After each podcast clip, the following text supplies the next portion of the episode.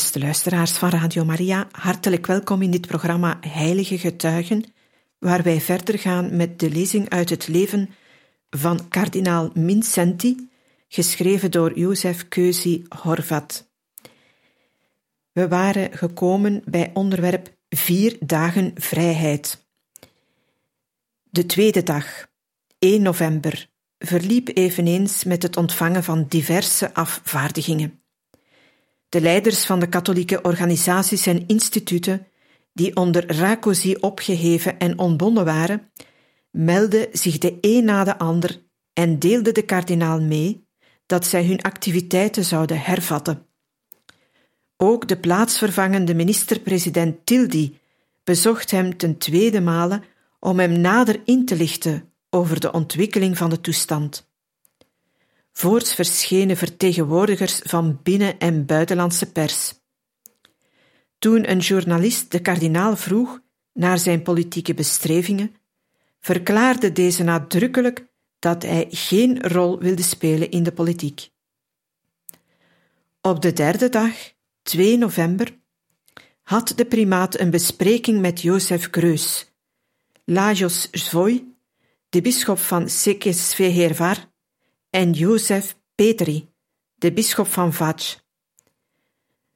De deelnemers aan deze conferentie beschouwden het als hun taak een eind te maken aan de beweging van de vredespriesters. Ze waren het erover eens dat zij met de nieuwe landsregering alle kwesties van kerkpolitieke aard moesten regelen langs de weg van beraadslagingen en dat zij van hun kant ook moesten luisteren naar wat van staatswegen te berde werd gebracht. De primaat vroeg ook de mening van de andere opperherders aangaande de inhoud van de radiotoespraak die hij van plan was de dag daarop te houden. Het grootste deel van de volgende dag, 3 november, besteedde hij aan de voorbereiding van zijn radiotoespraak. Het getuigt van een groot verantwoordelijkheidsgevoel dat hij de passages die iets met politiek te maken hadden, ook besprak met de plaatsvervangende minister-president Tildi, voor hij er vaste vorm aangaf. De primaat las zijn proclamatie voor om acht uur s'avonds in het parlementsgebouw. Tildi zat naast hem en luisterde met tranen in de ogen. Na de rede van de kardinaal dankte hij hem uit naam van minister-president Imre Nagy en zijn collega-ministers voor de grote hulp die hij met zijn toespraak de landsregering had gegeven. Heel in het bijzonder bedankte hij, schrijft de primaat, voor mijn oproep aan het werk te gaan voor de goedkeuring en aanmoediging de neutraliteit te bewaren, voor de veroordeling van iedere daad van persoonlijke wraakneming voor de nadruk die werd gelegd op het aanstellen van competente rechters die tot geen partij behoorden, en voor de veroordeling van elke vorm van partijdigheid. In het begin van zijn rede sprak de primaat zijn dank uit tegenover Paus Pius XII en bedankte ook de kerkelijke en wereldlijke leiders, de vertegenwoordigers van de internationale pers en van de radio en alle particulieren die zich in de voorbije jaren het lot van het Hongaarse volk en zijn eigen lot hadden aangetrokken. Ten slotte dankte hij nog voor de zeldzame betrokkenheid waarmee heel de beschaafde wereld de vrijheidsstrijd van de Hongaren had gevolgd. Daarop vervolgde hij: Wij willen met ieder volk, met ieder land in vriendschap leven een verouderd nationalisme moet worden herleid tot zijn juiste proporties. De nationale trots mag niet meer leiden tot oorlogen tussen de naties. Veeleer moet nationale saamhorigheid gegrond op het fundament van rechtvaardigheid een weg worden naar het vreedzaam samenleven van de volkeren. Nationaal saamhorigheidsgevoel moet in heel de wereld bloeien in de tuin van culturele waarden, die een schat zijn van alle volkeren samen. Wij, Hongaren, willen als dragers van de banier van de ware vrede leven en handelen binnen de Europese volkerenfamilie. Daarop kwam hij te spreken over het grootste en meest actuele probleem van de buitenlandse politiek. Ik citeer: Maar onze hele toestand wordt beslist door het antwoord op de vraag: wat is de bedoeling van het 200 miljoen man sterke volk der Russen met zijn militaire macht binnen onze grenzen? Wij hopen stellig op een spoedige aftocht van de Russische strijdkrachten uit ons land. Wat hij zich voorstelde van de toekomstige binnenlandse politiek vatte hij als volgt samen. Wij leven in een rechtsstaat, in een klassenloze maatschappij. We zijn op weg ons de verworvenheden van de democratie eigen te maken. Wij erkennen het particulier bezit als dat door maatschappelijke belangen juist en rechtvaardig wordt begrensd. We hebben nieuwe verkiezingen nodig, beveiligd tegen ieder misbruik en open voor alle partijen. Wat mijn persoon betreft sta ik buiten de partijen en wat mijn ambt betreft sta ik ook boven de partijen en ik zal mij dienovereenkomstig gedragen. Uit hoofde van mijn ambt roep ik alle Hongaren op, na de prachtige eensgezindheid van de oktoberdagen, partijtwisten en oneenigheid geen kans meer te geven. Politiek bedrijven is nu iets van de tweede orde. Onze zorgen gelden het bestaan zelf van de natie en het dagelijkse brood. Het regime dat nu ten val is gebracht, vervolgde hij, heeft grote fouten begaan. De schuldigen moeten echter langs de wegen der wet door onafhankelijke en onpartijdige rechtbanken ter verantwoording worden geroepen. Persoonlijke wraakoefeningen moeten vermeden worden en onmogelijk worden gemaakt. Tot besluit van zijn betoog aangaande de binnenlandse politiek verklaarde hij als hoofd van de katholieke kerk nadrukkelijk wij hebben niets tegen de eerlijke weg van historische vooruitgang. Wij willen in tegendeel in ieder opzicht een gezonde ontwikkeling stimuleren. In kerkelijke kwesties zullen wij stelling nemen tegen alle resten van geweld en list die overgebleven zijn van het ten val gebrachte regime. Hij verlangde terecht herstel van de vrijheid van het christelijk godsdienstonderricht en teruggave van de instellingen van de katholieke kerk, waaronder ook de katholieke pers.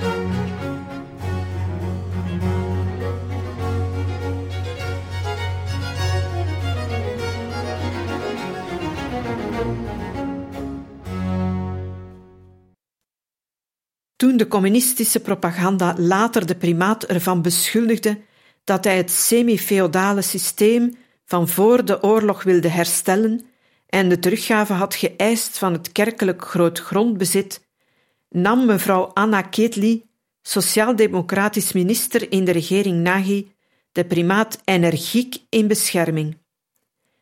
De kardinaal steunde de revolutie en wilde daaraan geen reactionair karakter geven. Hij wilde nog Horthy terugbrengen, nog de kapitalisten. Tegenover ons was hij loyaal. Haar mening werd gedeeld door de Londense hoogleraar Hugh Seton Watson, een vakman in de problemen van Oost-Europa. Naar zijn mening heeft kardinaal Mincenti zich na zijn bevrijding helemaal niet als een wraakzuchtig reactionair of als een strijdlustig chauvinist gedragen, maar als een christelijk vaderlander die zich heeft ingezet voor de eenheid van zijn volk en voor het vreedzaam samenleven met de kleine buurstaten. Na de toespraak voor de radio bracht de primaat een tegenbezoek aan Tildy, in diens woning in het parlementsgebouw. De plaatsvervangende minister-president en zijn vrouw ontvingen hem met oprechte blijdschap. De meningsverschillen die de primaat en Tildy hadden gehad na de Tweede Wereldoorlog, toen Tildy regeringschef, respectievelijk president was geweest, waren vergeten door het gemeenschappelijk gedragen leed en door de gemeenschappelijke wens een betere toekomst op te bouwen. Beide mannen stonden wantrouwend tegenover de Sovjet-Russische belofte. Zij kregen echter gunstige berichten over de besprekingen die gevoerd werden om de afmars van de Sovjet-bezettingstroepen voor te bereiden, en dat stelde hen enigszins gerust. De hele dag viel er geen enkel schot. De bevolking van de hoofdstad maakte zich al gereed om het puin op te ruimen. Zelfs het weer was voor de tijd van het jaar ongewoon fraai. De stralen van de zon aan een wolkenloze blauwe hemel streken als de handen van een liefdevolle moeder over de uitgebrande huizen, de barricade die uit kasseien waren opgebouwd, de vrouwen die in de rij stonden voor de winkels met levensmiddelen en de kerkhoven waar onder verse bloemen honderden helden te rusten waren gelegd. Oude, jonge en kinderen die alle gestorven waren voor de onafhankelijkheid van hun vaderland en voor de vrijheid van hun volk. Moe, maar toch vol vertrouwen keerde de primaat terug naar zijn woning in de burcht. Zoals altijd werkte hij ook deze avond tot in de nacht en bad nog veel. Hij ging pas om middernacht naar bed. Er was hem slechts een korte slaap gegund. Het rinkelen van de telefoon wekte hem. Aan de andere kant van de lijn meldde zich de secretaris van Tildy, die uit naam van zijn chef aan de kardinaal vroeg of hij dadelijk naar het parlement wilde komen, omdat zich een tragische ommekeer had voorgedaan. Janos Kadar, secretaris-generaal van de Communistische Partij en minister in de regering Nagy, was met enige kameraden naar de Russen overgelopen. Terzelfde tijd had de Sovjet-Russische generaal, die de Hongaars-Russische onderhandelingen leidde, minister van Defensie Paul Maleter en de overige leden van de Hongaarse afvaardiging gevangen genomen. Een onvergeeflijk vergrijp tegen de meest elementaire geboden van de militaire erecode. Tegelijk met het communistische hoogverraad en de Sovjet-Russische woordbreuk kwam ook de aanval van de vijandelijke strijdkrachten op de hoofdstad. Honderden kanonnen donderden en steeds opnieuw werd de nachtelijke hemel door spookachtige vuurschichten verscheurd, toen de primaat van Boeddha naar Pest reed. In het parlementsgebouw waren al verschillende ministers bijeen. Minister-president Imre Nagy was echter alweer weggegaan. Er heerste complete chaos. Intussen sloot zich de ring van de Russische panzerwagens rondom het parlement. Om het gebouw en de levens van de daar verzamelde mensen te redden, liet de plaatsvervangende minister-president de witte vlag hijsen. Toen de primaat zag dat het geen zin had nog langer in het parlementsgebouw te blijven, wilde hij weggaan. Maar zijn secretaris kwam met de boodschap dat de auto verdwenen was. Ook hoorde men dat de brug over de Donau afgesloten was. Welke ambassade is het dichtste bij? vroeg de primaat. De Amerikaanse, antwoordde de secretaris. Laten we daarheen gaan, beval de primaat. Ze trokken hun priestertoog onder hun mantel omhoog en gingen op weg. Ze slopen tussen de Russische panzerwagens door richting Sabbatsag het Vrijheidsplein. De Amerikaanse gezant Edward Thompson Wales ontving de kardinaal vriendelijk. Al binnen een half uur kwam de toestemming van president Eisenhower door en daarmee volledig asielrecht voor de primaat. Een paar dagen later hoorde men in de ambassade dat iemand uit Budapest, men is er nooit achter kunnen komen wie dat was, al de dag tevoren, op 3 november, aan Washington gevraagd had om asielrecht voor de primaat.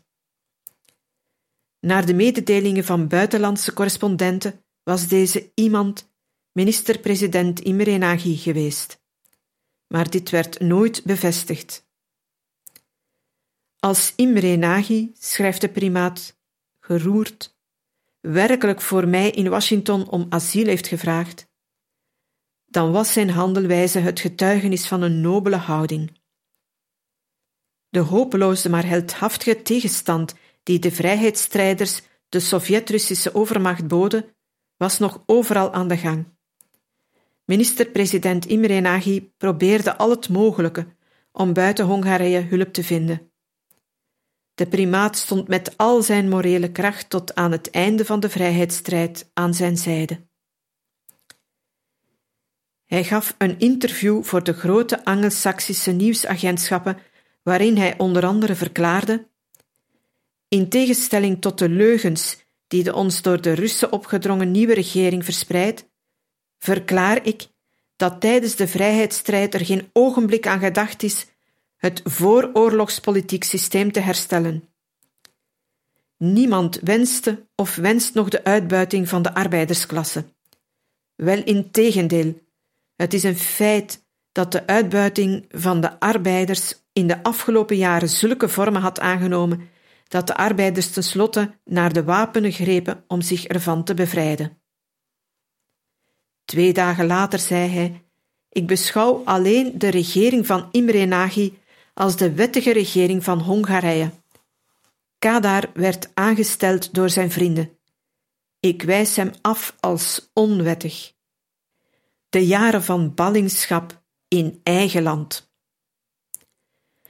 De minister-president, die in weinige dagen tot nationale held geworden was, kreeg met enkele van zijn aanhangers asiel in de Joegoslavische ambassade. Op 21 november 1956 beloofde Kadar aan Tito zwart op wit dat de vluchtelingen vrij en zonder gevaar voor latere bestraffing de ambassade mochten verlaten en naar huis gaan. Omdat er toen vanwege de stakingen een tekort aan verkeersmiddelen was, beloofde hij zelfs ze per autobus naar huis te laten brengen. De autobus verscheen de volgende avond om zeven uur voor de ambassade. Samen met de politici stapten ook twee ambtenaren van de ambassade in de bus om er zich persoonlijk van te overtuigen dat de belofte werd nagekomen. Maar nauwelijks was de bus een paar huizenblokken verder gereden, of hij werd omringd door Russische panzerwagens en auto's van de politieke politie. De Russische officieren en de leden van de geheime politie die de bus binnendrongen, dwongen de Joegoslavische diplomaten uit te stappen. Daarna reden ze met de autobus en de daarin gevangen genomen passagiers naar een onbekende bestemming. De familieleden van de politici, die het bericht hadden ontvangen dat hun verwanten spoedig thuis zouden komen, maakten zich zorgen over de vertraging en vroegen Kadar, die zij persoonlijk kende, om uitleg. Kadar antwoordde hun dat hij niet wist wat er gebeurd was. Maar de volgende dag gaf hij een officiële verklaring uit. En volgens deze verklaring hadden de passagiers van de autobus zelf verlangd naar het buitenland gebracht te worden. Later werd minister-president Imre Nagy tegelijk met de minister van Defensie Paul Maleter door een geheime rechtbank ter dood veroordeeld en op 18 juni 1958 terechtgesteld. De vervolgers hadden kardinaal Mincenti ook dit lot toegedacht. Spoedig nadat ik de drempel van het gezantschap had overschreden, werden er in de nabijheid kanonnen opgesteld. Zij richtten zich dreigend op het gezantschapsgebouw. De gezant Edward Thompson Wales schrok echter niet van de bedreiging. Ook Moskou zag blijkbaar in dat het niet verstandig geweest zou zijn de Verenigde Staten uit te dagen. Daarom stelden zij zich ermee tevreden, in plaats van de kanonnen die werden afgecommandeerd, een politieauto voor de ingang van het gezantschap op te stellen. Jarenlang stond die daar dag en nacht klaar om de primaat te arresteren voor het geval dat hij het gebouw zou verlaten. Tegelijk werd met leugens, zonder enige maat of rem, een intensieve propagandacampagne tegen hem ontketend. De dag zelf waarop Imre Nagy op zo minderwaardige manier gevangen genomen was, probeerde Janos Kadar de eer van de kardinaal te schenden. Het was Mincenti die het programma van de tegenrevolutie had uitgewerkt, al dus zijn verklaring aan het Roemeense persbureau. Hij streefde ernaar de regering van Imre Nagy te vernietigen. Mincenti is een vijand van de democratische en socialistische verworvenheden. Hij is tegen de landhervormingen en tegen de bedrijven in het bezit van het volk. Bij het afleggen van deze verklaring werd hij niet geremd door het feit dat de primaat bij het uitbreken van de revolutie nog een gevangene was en al evenmin door de zekerheid dat de kardinaal met grote stelligheid partij gekozen had voor Imre Nagy. Vier maanden later, toen de stadhouder van Khrushchev zich al veilig voelde op de stoel van chef van de regering, tevens partijleider, ging hij nog verder met zijn eerloosheid tegenover de primaat. In maart 1957 gaf hij een officiële verklaring uit dat het onwettig vonnis van Matthias Rakosi onveranderd van kracht was. Dit verbijsterend document luidde als volgt. Jozef Mincenti werd rechtsgeldig veroordeeld tot levenslange tuchthuisstraf. Dit vonnis werd in januari 1955 in zoverre verzacht dat hem een kerkelijk gebouw werd toegewezen als verblijfplaats. Ten aanzien van de straf die hij nog uit moest zitten, betekende dit geen amnestie, maar uitsluitend een begunstiging. Jozef Vincenti is dus nog nu onderworpen aan een vigerend en rechtsgeldig strafvonnis. Kadar verzweeg doodeenvoudig dat ook hij zelf lid was geweest van de revolutionaire regering die het onwettig vonnis vernietigd had en de primaat gerehabiliteerd. De woordvoerder van het ministerie van Buitenlandse Zaken, als ook pers en radio, die het officiële standpunt weergaven, kenschetste het door gezantschappen en ambassades aangeboden asiel als misbruik van de diplomatieke onschendbaarheid en inmenging in de binnenlandse aangelegenheden van het land waar zij te gast waren. Deze lasteringen en bedreigingen interesseerden de kardinaal niet. Des te meer leed hij onder het lot van zijn volk. In deze verschrikkelijke tijden moest ik aldoor denken aan de gevallen helden, aan de gewonden, de gedeporteerden, de hongerlijdenden, de daklozen en aan de ontelbare vluchtelingen. Ook aan de jonge studenten die aan de galg geëindigd waren en aan de honvits van Ritzag, van wie de zonde was dat ze mij uit Veseupeteni hadden bevrijd. Ook al daarom schokte mij zo diep het bericht dat major Palinkas Pallavicini was terechtgesteld. Om mij moest hij sterven. Met bitterheid dacht hij aan het passieve, verlamde, krachteloze Westen, dat met de Verenigde Naties voorop alleen maar lege woorden had gevonden om de vrijheidsstrijders te helpen. Het zwelgen in woorden en de onmacht van de westelijke mogendheden, stelde hij vast, zullen voor eeuwig een schandvlek van de geschiedenis blijven. Zijn enige vreugde, zijn enige troost was de houding van Paus Pius XII, die zich vol liefde opstelde achter de zaak van het Hongaarse volk. De paus gebruikte alle middelen die hem ter beschikking stonden en wendde zich op één dag driemaal tot de hele wereld, ter wille van Hongarije. Omdat de communistische pers de primaat er onder meer ook van beschuldigde dat hij misbruik maakte van het asielrecht, waren de Amerikanen voorzichtig genoeg om geen reden te geven voor een gerechtvaardigde klacht. Hun gast mocht met particulieren absoluut niet corresponderen en met het Vaticaan en het Witte Huis uitsluitend door bemiddeling van de ambassade. Het Amerikaanse personeel van de ambassade en de diplomaten van andere ambassades en gezantschappen met hun familieleden mochten de kardinaal bezoeken. Maar het Hongaarse personeel mocht dat niet. Zijn oude moeder mocht hij in gezelschap van een van haar dochters alle drie maanden ontvangen. Later werd ook zijn andere familieleden toegestaan hem te zien. Voor de rest kreeg hij echter, met uitzondering van zijn biechtvader, beslist geen Hongaren verlof om met hem te spreken, en van de buitenlanders kregen het ook maar heel weinige, ofschoon heel veel hem graag hadden gezien en gesproken. Enigszins beledigd noteerde hij dat Nixon toen hij als vicepresident een bezoek bracht aan de ambassade, besprekingen voerde in de zaal die naast zijn kamer lag, maar dat hij hem zelf niet bezocht. Twee zusters van president Kennedy woonden de heilige mis bij. Aan andere, minder belangrijke buitenlandse bezoekers stond men eveneens toe bij het heilig offer aanwezig te zijn. Zijn eerste heilige mis las de kerkvorst balling geworden in eigen land, op de schrijftafel van de gezant, zonder misgewaad, met in huis gebakken brood en een champagneglas als offerkelk.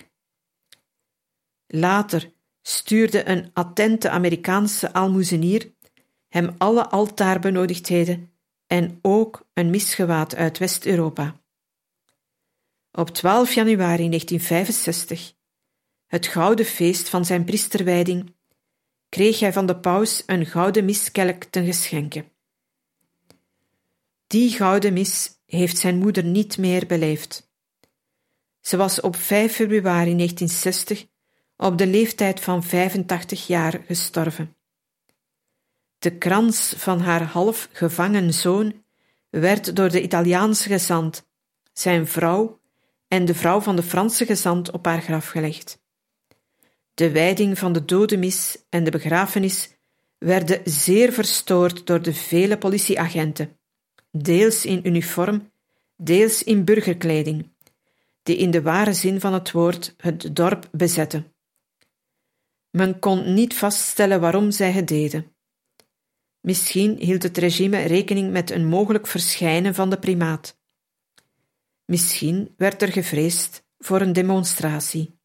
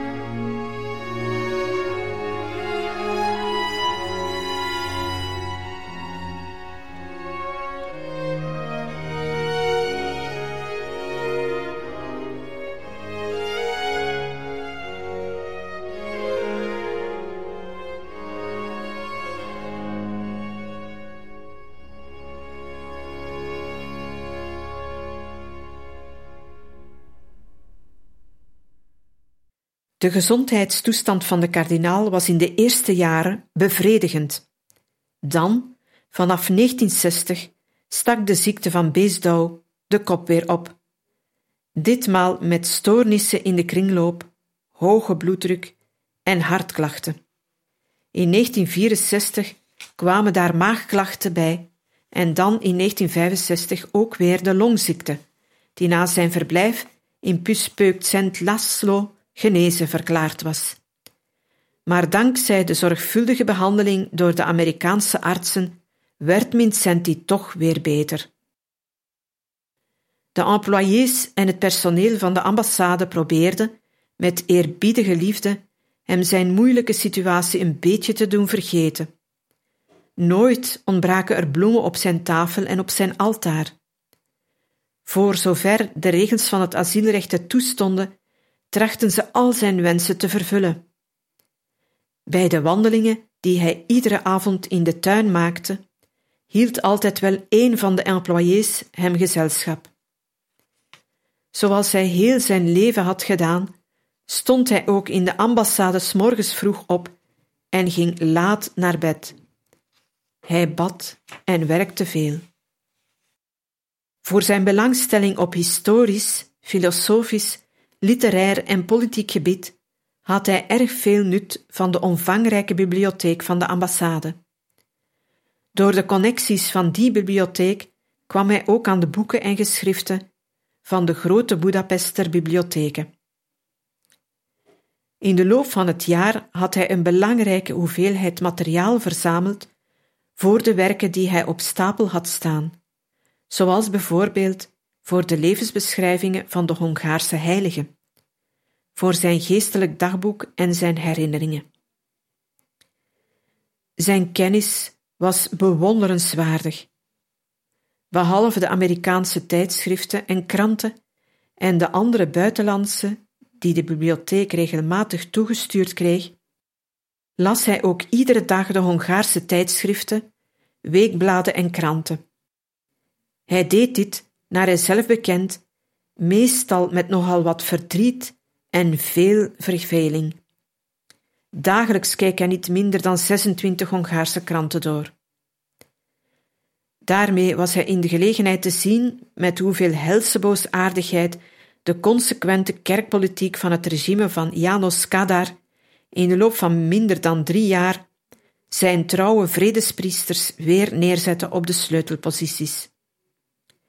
Het Staatsbureau voor Kerkelijke Aangelegenheden, samen met de afgevaardigden van de verschillende bisdommen, kreeg de facto weer de leiding, zowel op landelijk als op regionaal terrein. Ten slotte zag de regering in dat zij geen druk kon uitoefenen op het Vaticaan of op het Witte Huis, met de laster tegen de kardinaal of met beklemtonen dat hem ten onrechte asiel werd verleend.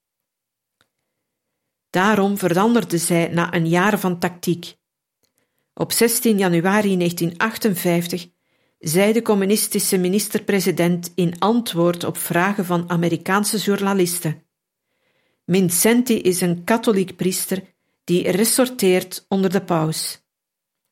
Weliswaar onderhouden wij geen diplomatieke betrekkingen met het Vaticaan, maar wij respecteren de paus als hoofd van de kerk. Als hij dus beschikt dat Vincenti in de Amerikaanse ambassade moet blijven, dan respecteren wij deze maatregel eveneens.